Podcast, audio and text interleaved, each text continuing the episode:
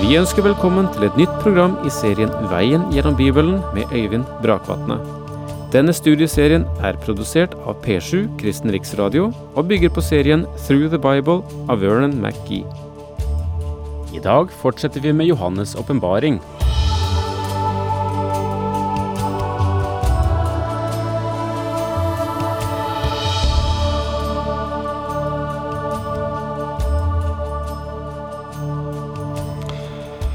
Jeg sa til dere sist at vi får eh, avslutte her med eh, noen trøsteord og oppmuntrende ord i denne boken som synes å være så full av oppgjør og dom og eh, alle de avsluttende akter som hører til den periode når Gud setter strek for historien.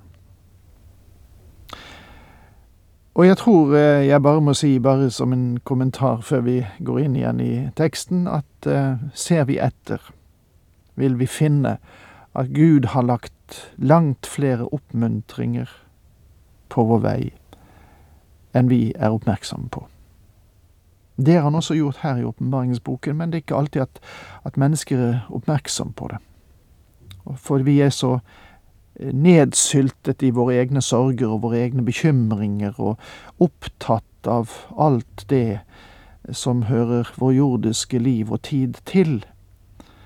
Så vi får ikke løftet hodet og satt alle de stjerner som Gud kan tenne på livets ofte nattsvarte himmel. Men de er der. Se etter dem. Ja, det var en sidekommentar, men, men kanskje verdt å ta med seg også. Nå leser vi om igjen de versene som vi avsluttet med før vi måtte si farvel til hverandre sist.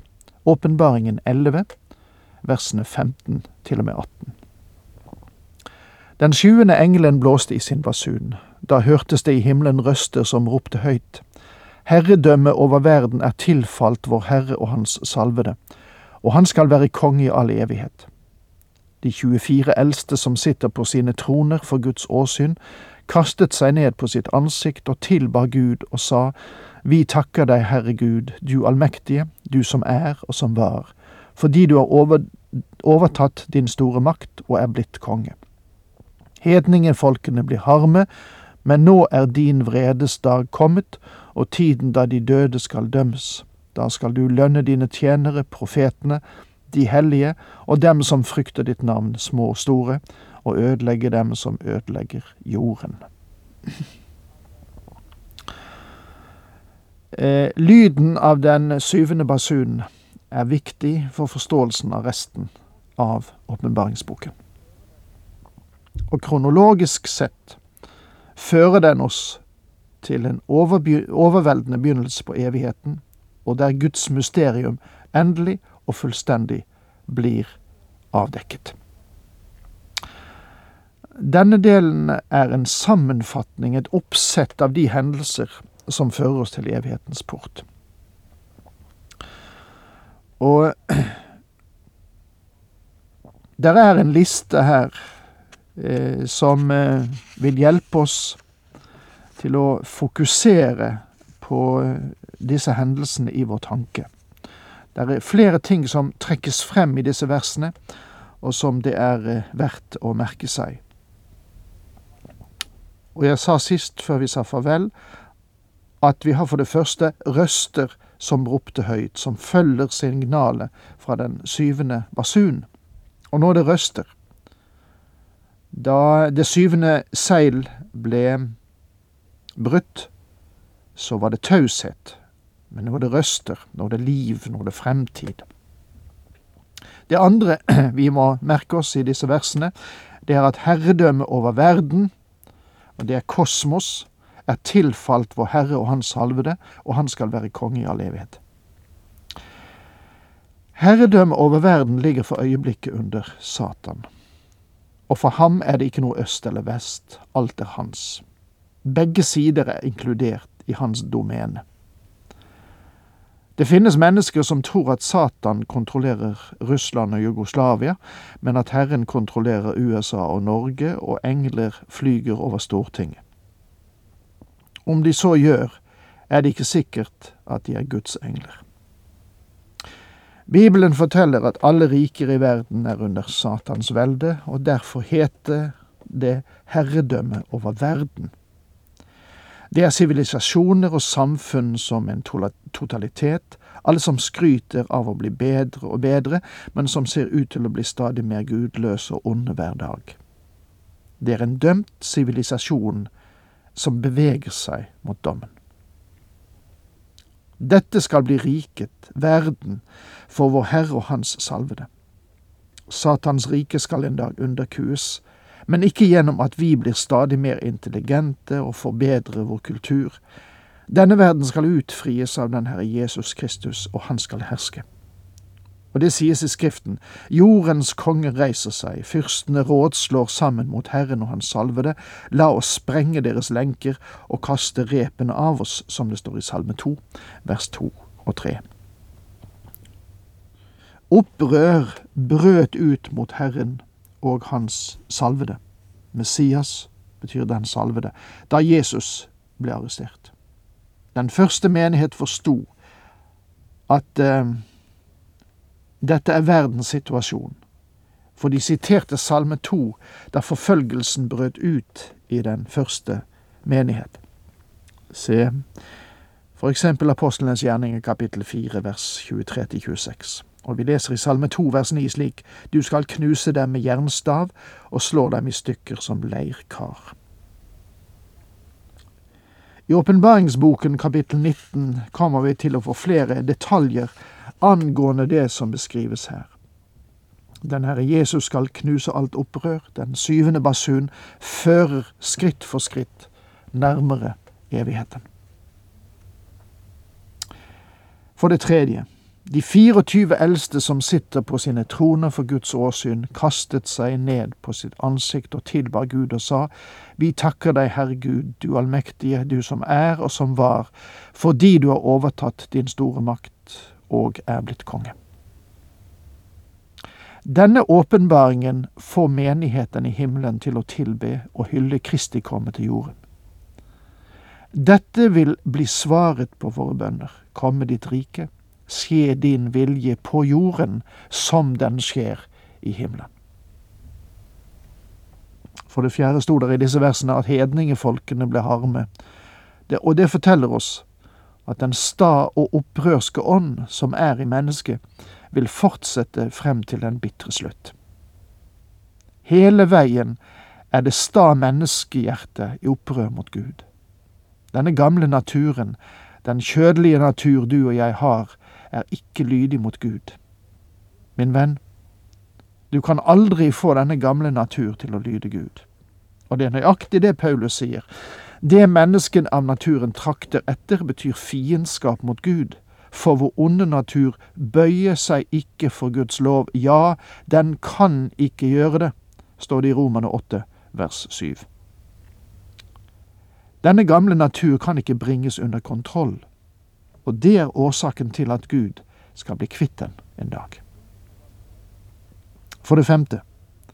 Nasjonene var vrede fordi din vredes dag er kommet. De hadde blitt matet full av denne slappe likegyldigheten som vi hører i dag om at Gud aldri har til hensikt å straffe synd, og at mennesket blir bedre og bedre for hver dag, mens vi faktisk er på vei nedover til det verre. For det sjette sto det i disse versene tiden da de døde skal dømmes, og det fører oss til den store hvite trones dom over de døde som er fortapt. Det leser vi videre om i Åpenbaringen 20. Og for det syvende, da skal du lønne dine tjenere profetene og de hellige og de som frykter ditt navn, små og store. Menigheten står allerede for hans åsyn, og de troende er allerede blitt dønnet slik det er antydet ved de kroner vi har sett på de eldstes hoder. Og dette henviser til Det gamle testamentets hellige og de hellige fra trengselstiden som er inkludert i den første oppstandelse, men til en annen tid. De vil nå bli lønnet i det rikets tid begynner. Og for det åttende sies det i disse versene som vi har lest, og ødelegge dem som ødelegger jorden. Dette tror jeg henviser både til mennesket og til Satan. Mennesket er en ødelegger like så vel som Satan er det. Og Peter advarer oss mot denne onde fyrste. Vær nøkterne og våk. Deres motstand at djevelen går omkring som en brølende løve for å finne noen å sluke, som det står i 1. Peter 5,8. Det neste verset fører oss til evighetens salige port. Da ble Guds tempel i himmelen åpnet, og kisten som er tegnet på hans pakt, ble synlig der inne, og det kom lyn og drønn, tordenbrak og jordskjelv og store hagl. Når vi ser menigheten igjen, vil det være i det nye Jerusalem. Og det ble sagt helt klart fra at det er ikke noe tempel der. Her er det tempel i himmelen. Det tempelet som Moses gjorde, skjedde etter klare beskrivelser fra himmelen. Da ble Guds tempel i himmelen åpnet, betyr at Gud nå arbeider med Israel. Ble åpnet forteller om tilbedelse og adgang til Gud. Alt dette peker mot Israel, for menigheten har ikke noe tempel. Målingen av tempelet på jorden og åpning av tempelet til himmelen forteller hvilken fremstående plass Israel har i denne del av åpenbaringsboken. Neste kapittel vil understreke det. Og kisten som er tegnet på hans pakt ble synlig der inne, minner oss om at vi har å gjøre med en Gud som oppretter en pakt og holder en pakt. Han skal holde den pakt han sluttet med Israel, og han vil gjøre en ny pakt med dem ved denne tid.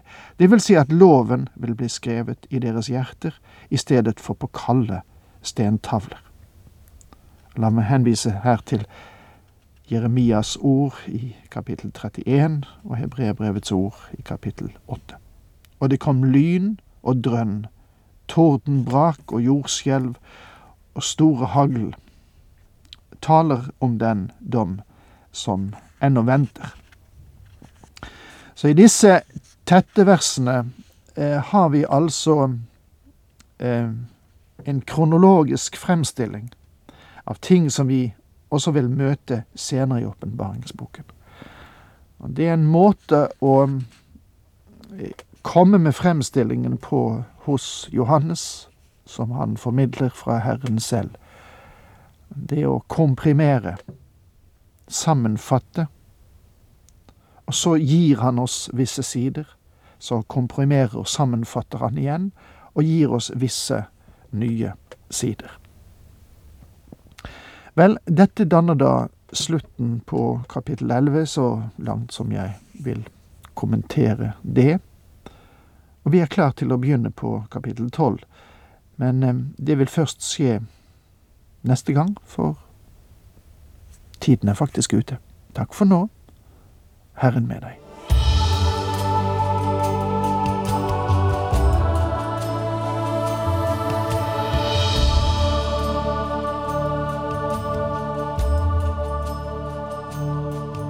Du hørte Øyvind Brakvatne i studieserien Veien gjennom Bibelen. Serien bygger på et manus av Vern McGee. Har du spørsmål eller kommentarer til programmet, kan du sende en e-post til vgb krøllalfa p7.no. Takk for i dag, og på gjenhør.